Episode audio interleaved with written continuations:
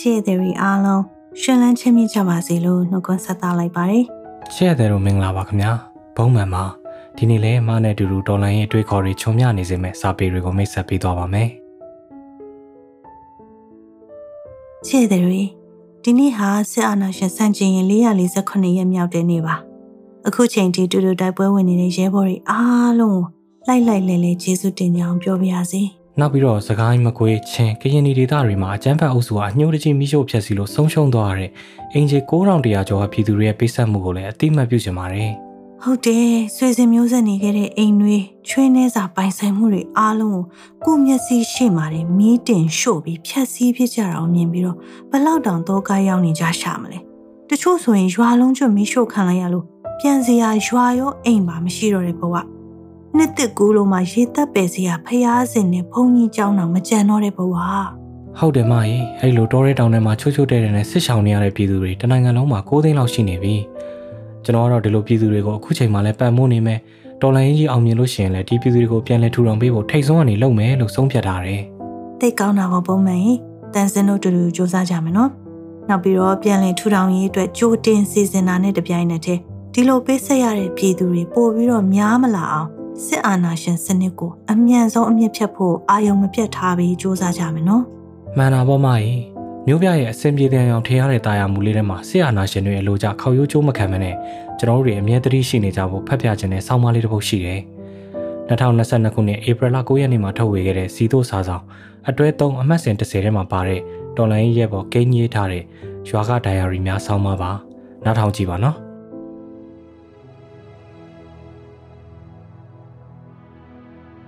ရွာကဒိုင်ယာရီများမြို့ပြကိုပြန်ရောက်မှကျွန်တော်မှကြောက်စရာတွေပြန်ပြီးတိတ်ပေါ်နေတယ်။ဘာတွေကိုကြောက်ရလဲဆိုရင်ဒီလိုအခြေအနေတွေကပုံမှန်ထင်တော့မှဖန်စီနှိပ်စက်တက်ဖြတ်တာတွေကပုံမှန်ပဲဆိုပြီးမတွန်းလှန်တော့တဲ့သူတွေထဲမှာကျွန်တော်ပါနေသားတကြရောရောင်တက်ကူးသွားမှမျိုးပေါ့။တက်မတ်စရာတွေတွေ့ညှိစရာတွေတိတ်များနေတဲ့မြို့ပြကအာယုံတွေကလေးလံလို့ထင်ပါရဲ့။မြို့ပြကမစွန့်လို့ချင်ကြဘူးမစွန့်စားချင်ကြဘူး။ကြောက်ရွံ့ခြင်းအတူတူမှတော့တွေ့ဝင်ရင်းနဲ့တွေ့ကက်လို့ရသမျှတွေ့ကက်ခံနေကြတယ်။ ဒါ comfort zone လို့လည်းခေါ်တယ်။အဆင်ပြေလျောင်ရောင်ထင်ရတဲ့တာယာမူလေးထဲမှာပိတ်မိနေကြတယ်လို့မြင်တယ်ကျွန်တော်တို့ရွာမှာညာကြီးစစ်ကားတွေမြင်လို့တရွာလုံးခြေရာဖျောက်ခဲ့ကြရတဲ့ညကိုပဲအမှတ်ရတယ်အဲ့ဒီညကကျွန်တော်တို့တွေတရွာလုံးချက်ချင်းရှောင်ကြရတာအဝတ်တထဲကိုတခုအိတ်တလုံးစီတဲ့ပေါ့ဘေးကကျွန်တော်အမဆိုမပြေးနိုင်တဲ့အဖွားကိုတယောက်ကိုခါမှထမ်းပြီးပြေးသွားတာဇောနေဆိုတော့မောရကောင်းမှန်းတော့အမှတ်မရဖြစ်ဘူးဘာဆိုဘာမှမသိပဲအသက်ပဲတည်ဆောင်နိုင်မှုဆိုပြီးရွှေ့ခဲ့ကြရတယ် အိမ်တွေပစ္စည်းတွေစားနေရိတ်ခါတွေအကောင်လုံးဒီအတိုင်းထားခဲ့ကြရတာတကယ်တကယ်အချိန်ကြာလာပြီဆိုရင်ဘာမှကျွန်တော်တို့မတွယ်ညှိဖြစ်ပါဘူးအကောင်လုံးစွန့်ပစ်ပြီးဆုံးဖြတ်ကြရတာပါပဲကျွန်တော်ဆိုရင်အိတ်ထဲမှာကျွန်တော်တိတ်ချတဲ့ကင်မရာလေးရယ်ကတ်ကြီးရယ်ပတ်တီးလေးအထုပ်ကြီးရယ်စက်ကူတိတ်တွေရယ်အိုင်အွန်နဲ့ဆေးရည်ဘူးကြီးရယ်ရာဘာလက်အိတ်တွေရယ်ဂွန်းတုပ်ကြီးရယ်ပဲပါတယ်စားစရာဆိုလို့ကျွန်တော်ကြိုက်တယ်ဆိုလို့အဖွားနဲ့အတော်ကလှုပ်ပေးထားတဲ့မြေပဲယိုလေးတစ်ပူရယ်ရေဘူးသေးသေးလေးရယ်ဒါပဲ စောက်တွေတောင်ဒီတိုင်းထားခဲ့ရတယ်အဲ့ဒီညကြားရတဲ့အမြောက်တန်တွေကြားမှာကျွန်တော်တို့အားလုံးနိုးတော့ပဲအခုထိညဆိုဖြောင်းဖြောင်းမဲဖြစ်ဘူးတခါတလေငါတခုခုဖြစ်သွားရင်ဒီစိတ်ကိုတော့ပအောင်ယူပြီးပြေးသွားကြနော်လို့ရောင်ရမ်းပြီးရွှွနေမိတော့မယ်အဲ့ဒီညကကျွန်တော်တို့အမောင်ထဲမှာအတန်လည်းမထွက်ဖြစ်မီးရောင်လည်းမထုံးပြဖဲနဲ့အမောင်ထဲမှာအဝေးကကျွန်တော်တို့အိမ်လေးတွေကိုစောင့်ကြည့်ရင်းနဲ့တိတ်ဆိတ်သွားခဲ့တဲ့ညာကြီးတွေပေါ့အဲ့ဒီအချိန်ကလေးကကျွန်တော်ရွှေငွေပစ္စည်းဘာလို့မှမမှန်မောတော့ဘူး ကျွန်တော်ကင်မရာလေးတစ်ခုကိုတော့နည်းနည်းမှန်မောမိပါတယ်ကျွန်တော်တို့ဘာလို့မှမသိနိုင်ဘူးတေမစွန့်ပစ်ထားသွားခဲ့ကြရတာမဟုတ်ဘူးအဲ့ဒီကြမှာတတိထားမိတာကတေရင်ကို့နောက်ဘာမှမပါဘူးဆိုကြပေမဲ့လေတကယ်တမ်းကျတော့တေမပဲထားသွားခဲ့ကြရတာမဟုတ်ဘူးမလုံခြုံတဲ့နိုင်ငံဖောက်ပြန်တဲ့စစ်တပ်အောက်မှာတော့ကျွန်တော်တို့ကရှင်လျက်နဲ့အရာအလုံးကိုစွန့်ပစ်ထားခဲ့ရမှာကြီးပဲဆိုတာပို့ပြီးတော့နားလည်လာတယ်ဘလောက်ပဲသဘောပေါက်တယ်ပြောပြောဒီຢာတွေကကိုယ်တိုင်ကြုံမှုမှပို့ပြီးကိုချင်းစာခန်းစားနားလည်တတ်တာ အင်တာနက်ရတဲ့မြို့ပေါ်ကိုရောက်တော့ကျွန်တော်သတင်းထဲမှာတားကင်မှုလက်နက်အတွက်ငကက်ဖြုတ်ရောင်းတဲ့တပင်းဘက်ကအတော်ကြီးကြောင်ဖတ်လိုက်ရတယ်။ရွာလူတွေကအစိုးရတစ်ဖွဲ့ကိုထိုင်ဆောင်တတ်တဲ့ပြည်သူဆိုတဲ့အဆင့်အနေခုခံကြသူတွေဆိုတဲ့အထိတဆင့်မြင်လာကြပါပြီ။ကျွန်တော်လည်းဘာဆိုဘာမှမတင်နိုင်ပဲပြစ်ထားခဲ့ရမှချင်းတူတူဆိုပြီးတော့ကြားသမျှရှိသမျှဖြုတ်ချလွှတ်ချပြီးတော့ခုခံသူတွေကိုထောက်ပံ့မှုစ조사နေပေမဲ့အခုဒီဒီမစ်ရှင်ကမပြီးဆုံးသေးပါဘူး။မထောက်ပံ့နိုင်မဲ့လက်လွတ်လိုက်ရတာတွေအများကြီးရှိခဲ့တာပေါ့။ ကျွန်တော်မြို့ကိုပြန်ရောက်တော့ကျွန်တော်ပတ်ဝန်းကျင်တွေကလူတွေကချမ်းသာဖို့ဘာလုပ်ရမလဲစုဆောင်းရမယ်ကိုလုံးမှာကိုစားရတာဘလို့တိုးတက်မှာကိုရှိမှကိုစားရတာမို့ဘယ်ချာမှဝင်မပါနဲ့ပတ်စံမဲစုစတာတွေပဲအကြောင်းထက်ပြောပြနေကြတာကိုကြားတော့ကျွန်တော်တိတ်စိတ်ပြတ်သွားမိတာပဲသူတို့ကတော့ဒါကိုဆုံးမထိန်သိနေလို့ပြညတ်ကြတယ်ကျွန်တော်နားထဲမှာတော့ဒါကလူတွေကကိုလက်ခံရခံယူချက်ကိုပဲကင်ဆွဲပြီးတော့သူတို့ဝါဒကိုလူကြားတဲ့ဝင်ဆက်အောင်ဖြတ်နေကြတာပါလားလို့ပဲမြင်မိတယ် ကျွန်တော်ကင်ဆွဲရကျွန်တော်ဝါဒကတော့ဒီနေ့ကိုမကြော်ဖြတ်နိုင်သေးပဲမနှက်ဖြန်ကိုသွားကျင်လို့မရဘူးခွန်အားဖြစ်မိငယ်တခြင်းတွေကနေဝင်ညကိုကူးဖြတ်ပြီးမှရောင်နေသားတဲ့နေ့တစ်ကိုရောက်မယ်ဆိုသလိုပေါ့လူတိုင်းလူတိုင်းဟာဉာဏ်ပညာခံယူချက်နဲ့လက်ရှိအခြေအနေတိုင်းရဲ့အပေါ်သတိကပ်ထားပြီးစမ်းစစ်ကြမယ်ဆိုလို့ရှိရင်ဒီလူအဖွဲ့အစည်းရဲ့တွန်းလှန်ရမယ့်ကဏ္ဍအားရင်တွေထဲမှာတဝူးတယောက်ချင်းစီတိုင်းရဲ့ပူးပေါင်းပါဝင်လှုပ်ရှားမှုကဘလောက်အရေးပါတယ်အရာရောက်တယ်ဘလို့စွမ်းရှိတယ်ဆိုတာကိုနားလည်ကြမှာပါ ဒီနေရာကနေစပြီးပြောပြမှာတွေကမျိုးပြကလူလူကိုမပေးဖို့မှားခြင်းတဲ့စကားတွေပဲဖြစ်ပါတယ်မျိုးပြရဲ့နေ့စဉ်ဘဝမှာလူလူကိုအမောင်ကြီးထဲမှာစံတဝါဝါအလင်းမိန်မိန်လေးနဲ့ခြေနဲ့နေသားကြငြိမ်သက်နေအောင်လမ်းကြောင်းပေးတာကိုခံနေရပါပြီဒီမှာမမေ့ဖို့ကလူတိုင်းလူတိုင်းကကြဲတွေပါအားလုံးမှာကိုပိုင်အလင်းလွတ်နိုင်စွာရှိကြတဲ့ကြဲတွေပါဒီကြဲတွေတိုင်းသာကိုပိုင်အလင်းကိုလွှင့်တင်လိုက်ကြမယ်ဆိုလို့ရှိရင်အမောင်တို့ကိုတခဏနဲ့ကြော်ဖြတ်ပြီးအလင်းလက်ဆုံးကောင်းငင်ဖြစ်လာနိုင်မှာအသေးချပါပဲ လက်ရှိတောက်ပပေးနေတဲ့ကြဲတွေဟာကိုပိုင်အလင်းထုတ်ဖို့အရင်းနှီးဖြစ်လောင်ကျွမ်းနေကြရပါတယ်ကိုပိုင်ကြဲတိုင်းကအလင်းတွေလွှင့်တင်ကြတဲ့အခါတခါတော့ကျွန်တော်တို့ရဲ့အတူတကွလောင်ကျွမ်းကြရအောင်ပြည်သူလူထုရဲ့ဇွဲနဲ့ပါဝါဟာအကြီးမားဆုံးအင်အားမို့လို့လူထုပါတဲ့တော်လန်ရေးတာအောင်မြင်မှာမို့လို့ပြည်သူလူထုအနေနဲ့ကိုပါဝါကိုမမေ့ကြပါနဲ့နစ်မြုံမခံကြပါနဲ့တော်လန်ရေးဟာပြည်သူလူထုရဲ့အမြင့်ဆုံးအားကောင်းညီညွတ်စိုက်ထုံမှုကိုလိုအပ်နေချိန်ဖြစ်လာပါပြီဆူတောင်းနေတဲ့ပါဇက်တွေကစကလုံးတွေထက် အကူအညီပေးတဲ့လက်တွေကပို့ပြီးတော့အလုပ်ဖြစ်ပါတယ်တဲ့ယုံကြည်တာကတော့ကျွန်တော်တို့လူသားတွေရဲ့ပါဝါကဆူတောင်းတဲ့အောင်ပဲတော့မဟုတ်ဘူးမလားကြောက်တတ်ရင်အခါကရှုံးပါတယ်ချစ်တို့တန်စင်းတို့လည်းပါဇက်နဲ့ဝမ်းနဲ့ဆူတောင်းနေတာထက်ဒီထက်ပိုပြီးအကူအညီပေးနိုင်တဲ့လက်တွေဖြစ်လာအောင်ထိုင်ဆောင်တတ်တဲ့ပြည်သူဆိုတဲ့အဆင့်ကထက်ကို့အတွက်ကိုခုခံကြသူအနိုင်ရအောင်တိုက်ယူကြသူတွေဖြစ်လာအောင်စကြိုးစားကြမနော်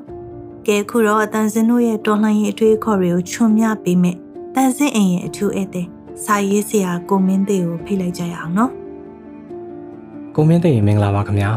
ဒီနေ့တန်စင်းအိမ်မှာပါဝင်ပေးတဲ့အတွက်ကျေးဇူးတင်ပါတယ်ဟုတ်ကဲ့ကျွန်တော်ကလည်းကျေးဇူးတင်ပါတယ်ကိုမင်းသေးဒီနေ့ရောဘယ်လိုစာလေးတွေကိုမိတ်ဆက်ပေးမှာလဲကျွန်တော်သိမကြခင်ကရေးခဲ့တဲ့ဖြေတွေးဆိုတဲ့ဆောင်းပါးလေးကိုဖတ်ပြပါမယ်နော်ဟုတ်ကဲ့ပါချစ်တို့တန်စင်တို့တူတူနားထောင်ကြည့်အောင်နော် ကျွန်တော်တို့တွေအားလုံးမှာအတ္တကောင်ဟာကိုယ်စီမှာကပ်ပါနေပါတယ်အတ္တရဲ့မောင်းနှင်ခြင်းကိုကျွန်တော်တို့ဟာနေ့စဉ်လိုလိုအချိန်တိုင်းလိုလိုခံရတယ်အတ္တကိုထိန်းချောင်းနိုင်စွမ်းဟာတတိနဲ့မှရတယ်အတ္တရဲ့စေစားချက်တွေအတိုင်းလက်လွတ်စပယ်မပြောမိဘူးမလုံမိဘူးမကြင့်ကြံမိဘူးတတိနဲ့ထိမ့်မှကွတ်မှရတယ်နိုင်ငံရေးမှာလည်းနိုင်ငံရေးသတိဆိုတာရှိတယ်နိုင်ငံရေးသတိဆိုတာ အတိုင်းအဆကိုနားလည်တာဖြစ်တယ်အတိုင်းအရှိကိုသိတာဖြစ်တယ်အကန့်အသတ်ကိုသိတာဖြစ်ပါတယ်ဒါကြောင့်လဲကွန်မြူနစ်တွေရဲ့ပို့ချချက်မှာကသုံးလုံးလို့ဆိုတယ်မဟုတ်လားအကြောင်းအကျိုးကိုသိအကျိုးမြတ်ကိုသိအကန့်အသတ်ကိုသိတဲ့ကျွန်တော်တို့မှာအဆွဲလန်းကိုရှိပါတယ်ချစ်ရင်ဖော့တယ်မုန်းရင်ဖိတယ်ဒါဟာကျွန်တော်တို့အတ္တကပြုတ်ကျင့်တဲ့ဇယိုက်ဗီဇပါပဲကျွန်တော်တို့ဟာကိုယ့်အတ္တ ကိုတိတ်ချစ်တတ်ကြတယ်ဒါကြောင့်လဲအတ္တကိုအာတာပြေစေဖို့အမြဲအားထုတ်တယ်ဒါကိုဖြည့်တွေးလို့ပြောရင်လည်းရတယ်ဖြည့်တွေးလေးနဲ့နှလုံးသွင်းရတာတာရတယ်လေလောကကြီးဟာကျွန်တော်တို့လိုချင်တဲ့အတိုင်းဖြစ်မနေပါဘူးအခြေအနေတွေပြောင်းတိုင်းကျွန်တော်တို့ရဲ့စိတ်ဟာမตาမယာဖြစ်တတ်ကြတယ်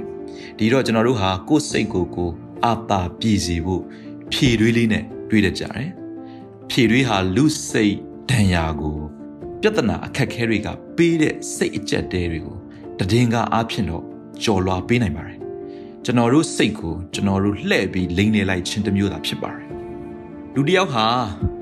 ဖြည့်တွေးနဲ့ကျင်သားရလာရင်တော်ရုံအခက်ခဲကိုမကြော်နိုင်တော့ဖြည့်တွေးနဲ့ပဲလက်လျှော့အရှုံးပေးလိုက်ကြတာများတယ်အထူးသဖြင့် ဖြည့်တွေးနဲ့နေခြင်းများလာတဲ့လူတွေမှာတိတာထင်ရှားတဲ့အချက်တစ်ခုရှိတယ်အဲ့ဒါကတော့စင်ကြီးပဲစင်ကြီးပဲဖြစ်ပါတယ်သူတို့မှာစင်ကြီးတစ်ခုမဟုတ်တစ်ခုရှိနေတတ်တယ်သူတို့ပေးတဲ့စင်ကြီးဟာလဲတန်မှန်အားဖြင့်ကြည့်ရင်ယုတ်တိတန်တယ်လို့ထင်ရတယ်။သိသို့တော်လည်းအနှစ်ချုပ်ကြည့်ရင်သူတို့ဟာသူတို့စိတ်ကိုသူတို့ဟုတ်ရောင်ထင်မှုတွေနဲ့ကိုကိုကိုကိုလှည့်စားထားရဆိုတာတွေ့ရတယ် ကျွန်တော်ဟာတခုခုကိုမလုံနိုင်သေးဘူးဆိုရင်ငါဟာငါကိုငါဖြေတွေးနဲ့ကြည်နဲ့တင်းတိမ်နေသလားလို့အမြဲတမ်းမေးလိရှိပါတယ်ပြိုင်ပွဲတိုင်းဟာကျွန်တော်တို့မနိုင်ပါဘူးသို့တော်လည်းရလက်အရာကျွန်တော်တို့ရှုံးနေရင်တော့ကျွန်တော်တို့စီမှာဒီအရှုံးဟာလက်သင့်ခံပွဲဖြစ်ကြောင်းဖြေတွေးလေးရှိနေတတ်တယ်ဒါဟာကျွန်တော်တို့စိတ်ကိုဒဏ်ရာမဖြစ်အောင်ကုစားနိုင်တဲ့နီးတော့ ဖြစ်ကောင်းဖြစ်မယ်ဖြစ်ချင်ဖြစ်မယ်သို့တော်လည်းတကယ့်အခက်ခဲကိုကြော်လွှားနိုင်မှုအတွက်စိတ်အားတက်တီကိုပေးတဲ့နီးနာတော့လုံးဝမဟုတ်ဘူးဗုဒ္ဓဘာသာကသွန်သင်တဲ့ဟောကြားချက်တချို့ဟာကျွန်တော်တို့လူအဖွဲ့အစည်းအတွင်းမှာလူမှုဒလိအဖြစ်ပြောင်းလဲလာတာရှိပါတယ်လောကကြီးဟာဒီလိုပဲစိုးလိုက်ကောင်းလိုက်တန်တရားလဲနေတာပဲလောကမှာဘယ်အရာမှမမြဲဘူးအရာအလုံးဟာသင်္ခါရပဲဖြစ်ပြီးရင်ပြက်မှာပဲ သူ့အကုသိုလ်နဲ့သူသွားလိမ့်မယ်ပြုသူအစ်စ်ဖြစ်သူဟောင်းပေါ့လောကကြီးဟာသူ့သဘောသူစောင့်နေတာပါခမရလုံမနေပါနဲ့နောက်ဆုံးတော့သူ့သဘောသူစောင့်သွားလိမ့်မယ်စတဲ့စကားရက်တွေဟာကျွန်တော်တို့ကိုယဉ်ကျက်စေတယ်လို့လို့ ਨੇ လူအဖွဲ့စည်းကကျွန်တော်တို့ကိုကြုံတွေ့နေရတဲ့အခက်အခဲပြဿနာတွေကိုဖြေတွေးနဲ့လက်လျှော့အောင်တွန်းအားပေးနေတတ်ပါတယ်ဒါကိုသတိနဲ့မကြည့်မသိနိုင်ဘူး လူဆိုတဲ့အမျိုးကလည်းကိုလိုချင်တာကိုပဲရွေးပြီးကွက်ယူတဲ့အကျင့်ရှိတယ်မဟုတ်လားကိုအတ္တနဲ့ကြိုက်တာကိုရွေးယူပြီးကိုအတ္တကအလိုမရှိတာကိုမသိကြအောင်စောင့်နေတတ်တယ်မဟုတ်လားကျွန်တော်တို့အတ္တဟာဘယ်အရာပေါ်မှာမီးမောင်းထိုးတယ်လဲဆိုတော့သတိနဲ့ကြည့်ရမှာဖြစ်ပါတယ်ဒါကြောင့်ကျွန်တော်တို့ကိုပညာဟာနော်အတ္တရဲ့သဘာဝကိုနားလည်အောင်လုပ်ပေးတယ်အတ္တရဲ့သဘောတဘာဝကိုမသိရင်တတိနဲ့မကြော်နိုင်ဘူး ဖြေတွေးနဲ့တင်တစ်နေတတ်တယ်ဒါကိုသိဖို့လိုပါတယ်လူတော်များများဟာကိုမချစ်တဲ့အလုပ်တွေကိုလုပ်နေရပါတယ်ကိုမလုပ်ချင်တဲ့အလုပ်တွေကိုလုပ်နေရပါတယ်ကိုမပြောချင်တဲ့စကားတွေကိုပြောနေရပါတယ်ကိုမတွေ့ချင်တဲ့လူတွေနဲ့တွေ့နေရပါတယ်ဒီလိုလူတွေအားလုံးမှာဖြေတွေးတွေကိုစီရှိနေတဲ့ဆိုတာတွေ့ရပါတယ်ဒီလိုဖြေတွေးတွေမှာ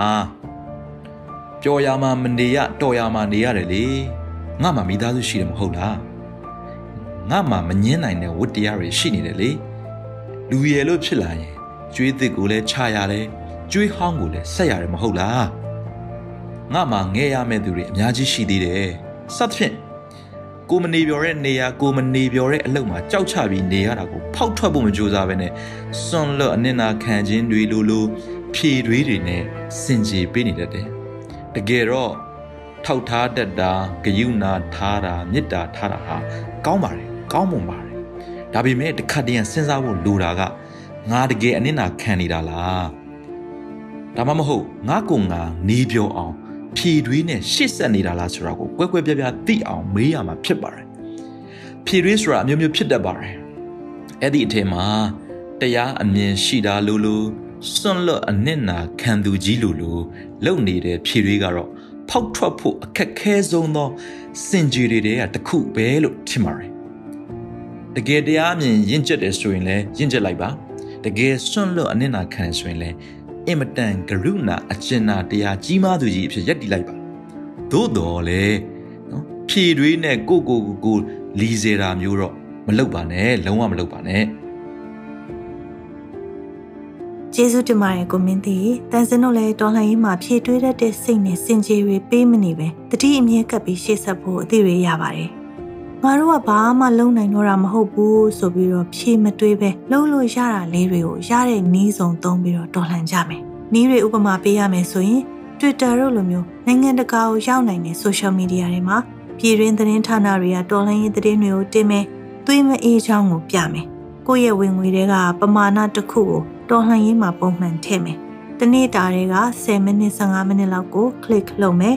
စစ်အာဏာရှင်တွေရဲ့တောက်တိုင်တွေကို boycott နဲ့ social punishment ဆွဆွမြဲမြဲလုပ်မင်းဆိုတာတွေရှိပါတယ်။လူတိုင်းဟာကိုတက်နိုင်တဲ့နေရာကနေနီလန်မျိုးစုံတိုင်းတာပမာဏမရွေပါဝင်ပေးနိုင်မယ်ဆိုလို့ရှိရင်အောင်မြင်မှုကကျွန်တော်တို့စီကိုရောက်လာမှာမလွဲပါဘူး။ကဲဒီနေ့တော့ဒီမှာပဲနှုတ်ဆက်ပြရစီနော်။နောက်ဘက်တွေမှာပြန်တွေ့ကြပါမယ်။ စနေနေ့ထိဆောင်ရင်နဲ့တန်စင်တို့လွှမ်းနေရတော့မှာဆိုရင်တော့လွှင့်ပြီးသားတန်စင်ရင်စီစဉ်တွေကို Facebook မှာနဲ့ Apple Podcast Google Podcast, Anchor, Spotify တို့လို podcast application တွေမှာပြန်သွားနားထောင်လို့ရတယ်နော်။ဘယ်မှာဖြစ်ဖြစ်တန်ဆင်းအိမ်ဆိုပြီးတော့မြန်မာလိုရေးထည့်ပြီးတော့ရှာရင်တွေ့ရမှာပါ။တန်ဆင်းစီကိုရင်ဖွင့်ခြင်းတဲ့စကားတွေရှင်တော့တန်ဆင်းရဲ့ Facebook စာမျက်နှာကိုလာလေပြီး Messenger နဲ့စာရေးလိုက်ပါ။ပြန်မစုံနိုင်သေးခင်အများကြီးမလွန်ချင်နော်။တတား